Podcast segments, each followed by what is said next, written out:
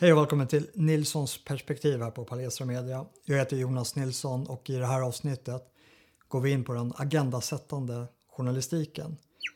Project Veritas från Amerika har lyckats delta i CNNs redaktionsmöten den senaste månaden och har spelat in mötena som har skett på distans över telefon. Och eh, det vi ska lyssna på nu är när James O'Keefe från Project Veritas avbryter CNNs VD Jeff Zucker och informerar om att det har deltagit på den senaste tidens möten.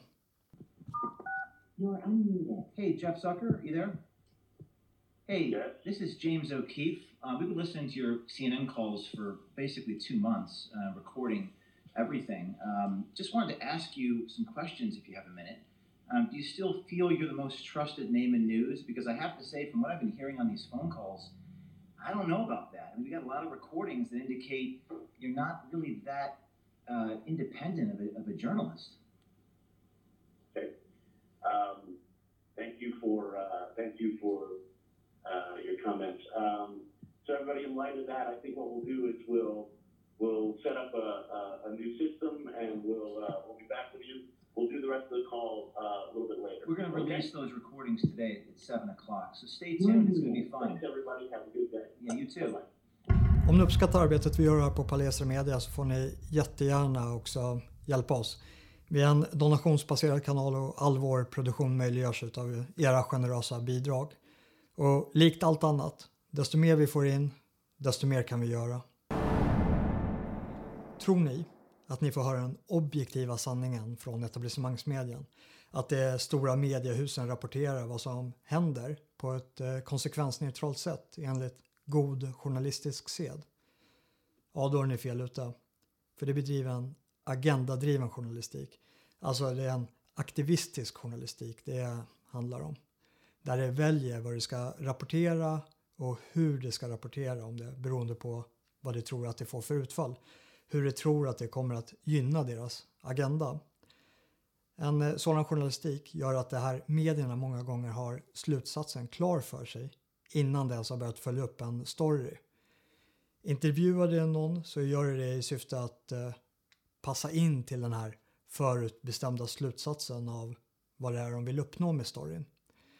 All information som kommer in till de här mediehusen kommer att justeras för att passa till just den slutsatsen.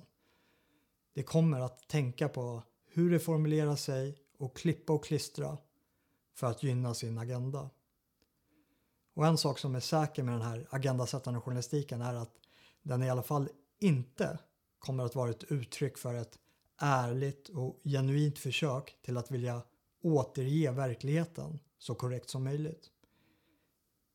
James O'Keefe från eh, Project Veritas har än så länge bara släppt eh, någon minut från eh, CNNs redaktionsmöte och det har totalt många, många timmar inspelat som det kommer att släppa allt eftersom. Jag rekommenderar starkt att gå in på deras eh, hemsida och följa dem. Jag lägger länk i beskrivningen här under. Men i de få minuterna som släpptes igår framkommer två anmärkningsvärda saker. Den eh, första är att CNN vill hämma all information om Trumps ifrågasättande av valet genom att helt enkelt inte ge en täckning. Det handlar alltså om att undanhålla information till sina tittare. Rapporterar medierna inte om valfusk? Ja, men då finns inte heller valfusk. Medierna tar på sig rollen som grindvakt över vilka ämnen det är som får komma fram och hur de ämnena ska förmedlas. Och innan internet så var vi vanliga medborgare helt utlämnade åt etablissemangets informationsflöden och utlämnade till deras skönmålningar. Och Trump gjorde sig mer eller mindre oberoende av det här etablerade mediehusen tack vare internet och de stora sociala medieplattformarna. Men även de sociala medieplattformarna har börjat agera som grindvaktare till samtalet genom censur och att falskmarkera informationsspridning som går emot deras agenda med eh, så kallade fact checks. Och insatsen för eh, the big tech som driver de här plattformarna har också ökat i samband med det här presidentvalet. Varpå det också har eskalerat den här censureringen av konservativa röster och opinionsbildare i en omfattning som inte gjorts tidigare. Det fruktar sitt lagstadgade stöd som återfinns inom sektion 230 som gör att de här plattformarna inte kan hållas juridiskt ansvariga över vad som skrivs och sägs på de här plattformarna. Och det kan då komma att ändras om Trump blir omvald. Så bara i egenskap av deras självintresse så vill det stävja de här konservativa rösterna. Den eh, andra anmärkningsvärda punkten som framkom av inspelningen är att CNN vill måla upp en bild av vad som händer när en avgående president inte lämnar över korrekt till den tillträdande presidenten.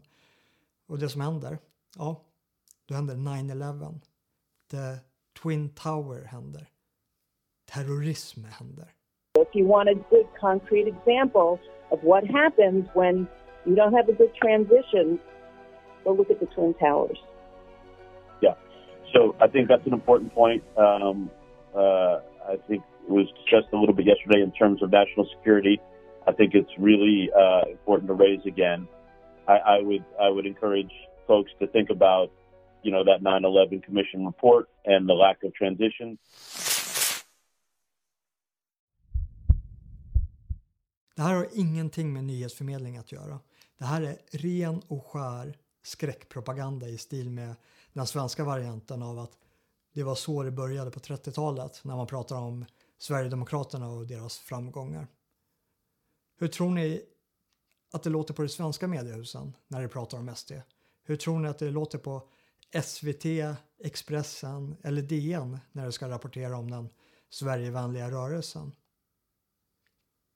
Har ni tänkt på hur tyst det är från dessa medier när det kommer till Centerpartiets pedofilskandal med eh, Fredrik Federley, Annie Lööf och deras eh, partisekreterare Mikael Artursson?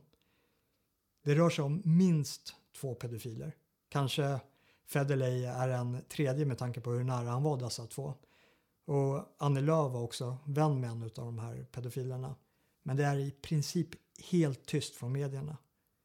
Hur tror ni att det hade låtit från samma medier som nu är tysta om det inte var någon från etablissemanget som var i det här blickfånget? Det hade blivit ramaskri. Och med all rätta bör tilläggas, för det här är riktigt vidrigt. Och det är oerhört viktigt att gå till botten med hur det ligger till när sånt här framkommer. För det är många frågetecken. Hur många är det egentligen bland partikollegorna som eh, visste om att Federley var sambo med en dömd pedofil och hur många fler är det inom Centerpartiet som också socialiserar med pedofiler?